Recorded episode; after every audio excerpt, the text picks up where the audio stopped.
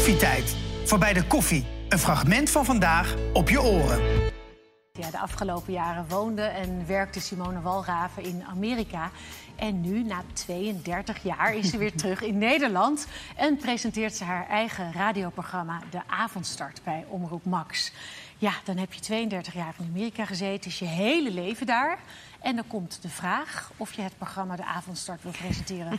dat lijkt me dat je daar best even over na moet denken... want dat is nogal een verandering van je leven dan. Absoluut, ja. En het was uh, mijn oude Decibel-piratencollega Daniel Dekker die mij belde. Ja. Het is kwart over zeven in de ochtend. Ik zat in Nashville. Ik kijk naar mijn telefoon. Je bent, hè? Daniel? Nou, en toen kwam hij met dit, uh, dit voorstel. En ja, ik was natuurlijk ontzettend blij meteen. Maar ik heb wel gevraagd om twee weken bedenktijd. En dat heb ik ook genomen, die Ja. tijd.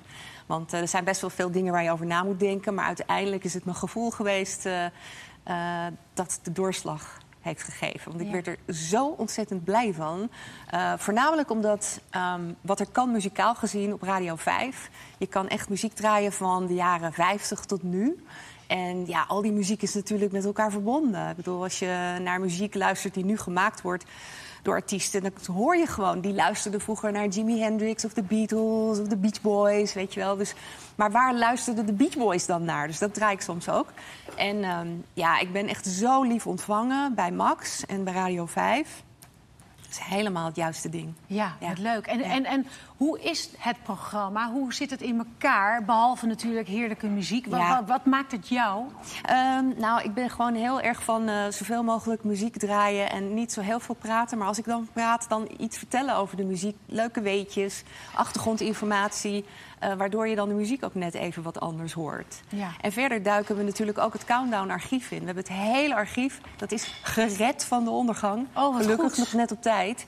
En ehm, ja, dus we hebben al die interviews waar we in mogen grasduinen.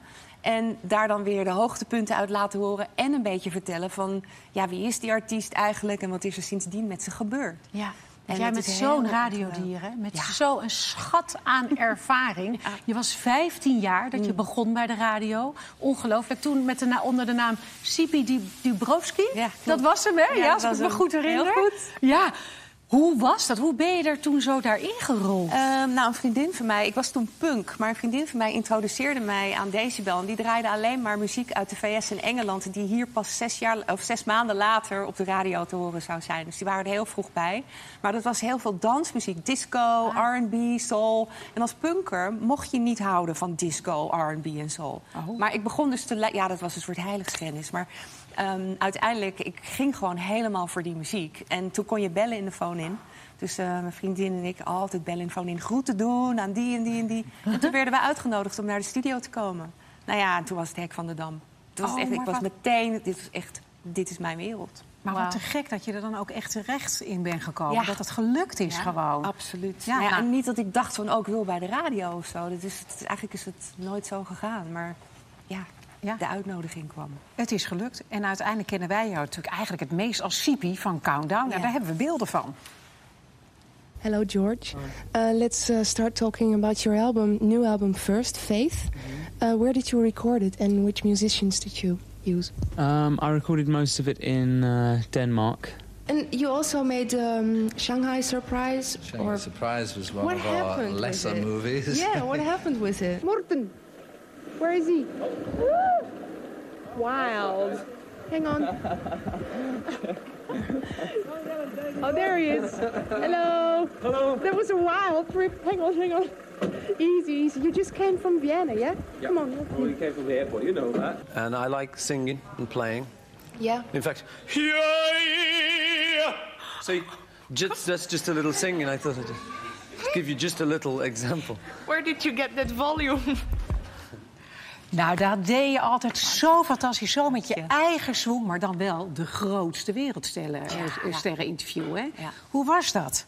Ehm, nou, het, het was echt een droom die werkelijkheid werd. Omdat ja, zo iemand als Paul McCartney of George Harrison, daar ben ik mee Ja. opgegroeid. Hun muziek ik was echt al fan vanaf de baarmoeder, zo gezegd.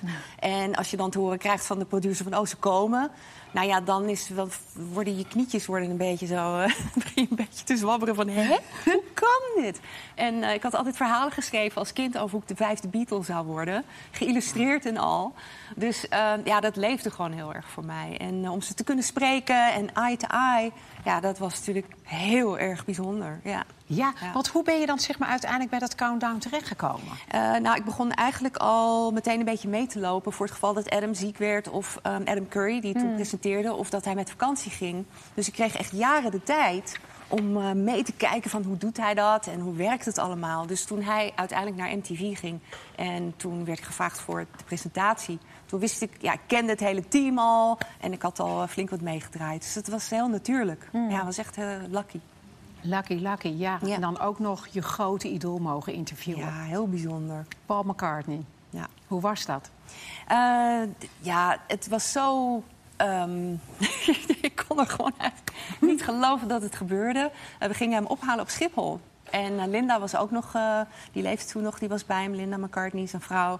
En hij ging toen naar de museums in Amsterdam, musea in Amsterdam, het Van Gogh en het Stedelijk, geloof ik. En toen kwam hij daarna terug naar de studio. En ja, het was, het, was, het was zo bijzonder. Het was de meest relaxte uitzending uiteindelijk die ik ooit gepresenteerd heb. Oh. Ja, eerst was het zenuwen, zenuwen, zenuwen, adrenaline. En dan is het iets van, relax baby. Ja, wat fijn. Ja. Nou, het programma was natuurlijk ongelooflijk eh, populair, Countdown. Maar jij was ook ongelooflijk populair. Eh Vie zei het Nou. ook al. Dus was je echt, jij was echt haar heldin vroeger al. Ehm, en ineens dacht je, it's okay, het is goed. Ik ga wat, ik ga, ik ga wat anders doen. Ja. Ja. Waarom? Nou, omdat ik, ik ben natuurlijk bij radio begonnen, ook bij Veronica. En dan heb je heel veel ehm, inbreng in, in de, ja, wat je maakt. Ja. Eh, de presentatie is het kerstje op de taart. Maar de voorbereiding, alle journalistieke dingen, interview voorbereiden... doe je allemaal zelf, muziek kiezen enzovoort. En als je zo'n boegbeeldprogramma als Countdown presenteert... het is natuurlijk fantastisch om te doen. Ik vond het werk echt heerlijk. En met zo'n goed team. Ehm, maar daarnaast komt dan ook de publiciteit. Ja. En je wereld wordt steeds kleiner. En ik ben natuurlijk een vrij gevochten Amsterdamse. Maar ik kon eigenlijk nergens meer heen. Ehm, omdat ja, je kan gewoon nergens rustig meer zitten. Dat Je heeft bent zelf iedereen- een ster. Ja, en Dat, dat was, dat, daar hangt een hoog prijskaartje aan wat betreft je, je vrijheid. Maar ook dacht ik, om door te blijven groeien... ehm, als je dingen blijft doen omdat je nou eenmaal... ja, dat is op je pad of zo en het is succesvol... als je het alleen maar daarom blijft doen... dan kan het je ook ehm, uitputten uiteindelijk. Dus het is heel erg belangrijk om jezelf te blijven ontwikkelen. En voor mij was het toen de grote uitdaging om het gewoon nog... eh, ja, nog negen maanden te blijven doen. Want na drie maanden had ik het al verteld. Van ja, dit, hier zit een eind aan voor mij. Uh, maar toen kon ik ervan gaan genieten, omdat ik wist er is een eindpunt. Dus toen heb ik nog een fantastische tijd gehad. Mm. En toen daarna ben ik met mijn uh, toekomstige echtgenoot uh, achter de schermen gaan werken in ja, de muziek. Met Clark ja. Hè? In, ja. van Johnny Hates Jazz, yes. de zanger. Ja, precies. Nou, daar inderdaad een mooi huwelijk mee gehad. En toen ben je inderdaad naar Amerika gegaan. En dat vinden wij zo'n nou. mooi verhaal. Want je leefde echt een beetje een nomadisch mm. bestaan, hè? Ja. Nou, je bent gewoon in Engeland. huis gaan oppassen. Oh ja, ja de afgelopen tien jaar, ja. Maar waarom? Nou, waarom ik ben uiteindelijk gescheiden uh, van Clark. En uh, we zijn eerst tien jaar in Engeland gezeten. En toen zijn ja. we naar um, Amerika gegaan. Altijd met de muziek mee verhuisd. Ik ben ook filmmaker geworden. Dus ik had een heel internationaal netwerk mm. over waar ik werkte. Ook veel plekken in Europa. Veel non-profit gedaan. En um, ik wilde dat gewoon blijven doen. Dus het was of een huis huren ergens... of blijven reizen. En ik koos voor het reizen. Want um, ja, huren is duur. Ja. En ik kon me dat toen niet voorloven. Allebei. Dus um, een oplossing was op huizen passen van mensen die een tijdje weg willen. Maar dan niet de minste. Hè? Dat waren mensen met grote huizen, ja. die ook beroemd waren. Soms, ja, niet altijd hoor. Ja. Nee, ja. maar dan toch. Hè? Ik denk dan zelf, als je dan in zo'n beroemd huis bent van iemand, mm. zeg maar, of van iemand die heel beroemd is. Mm.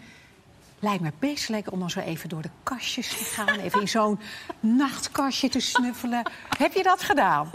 Nee. Eerlijk? Nee, nee, nee. Nee? Nee, nee, nee. nee er is een soort vertrouwen. Het is, alles is gebaseerd op vertrouwen. Ja. Je komt daar als professionele huisoppas. Je zorgt voor alles. Tenzij zij zeggen van, eh, kijk eens even, we willen dat je onze kastjes eh, even goed van binnen bekijkt. Nee, het is echt een soort eh, ongeschreven regel van je respecteert waar je bent, je zorgt voor de plek waar je bent. Het is niet jouw plek, maar qua principe van waar je ook woont, je zorgt goed. De mensen kunnen met een gerust hart weg en weer terugkomen. En alles is picobello in orde wanneer ze thuiskomen. Ja. en ze pakken hun leven weer op. Dat is de bedoeling. Ja. En jij hebt natuurlijk daardoor echt de mooiste plekken gezien, de mooiste huizen, de meest bijzondere momenten. Een schat aan ervaring. Ja, absoluut. Ja. Maar dat principe van vertrouwen en het delen van dingen, weet je, in Amerika van... Oké, ehm, je hebt mensen net ontmoet, ze laten je even alles zien. Are the horses, there are the dogs, there are the cats, here's de moestuin.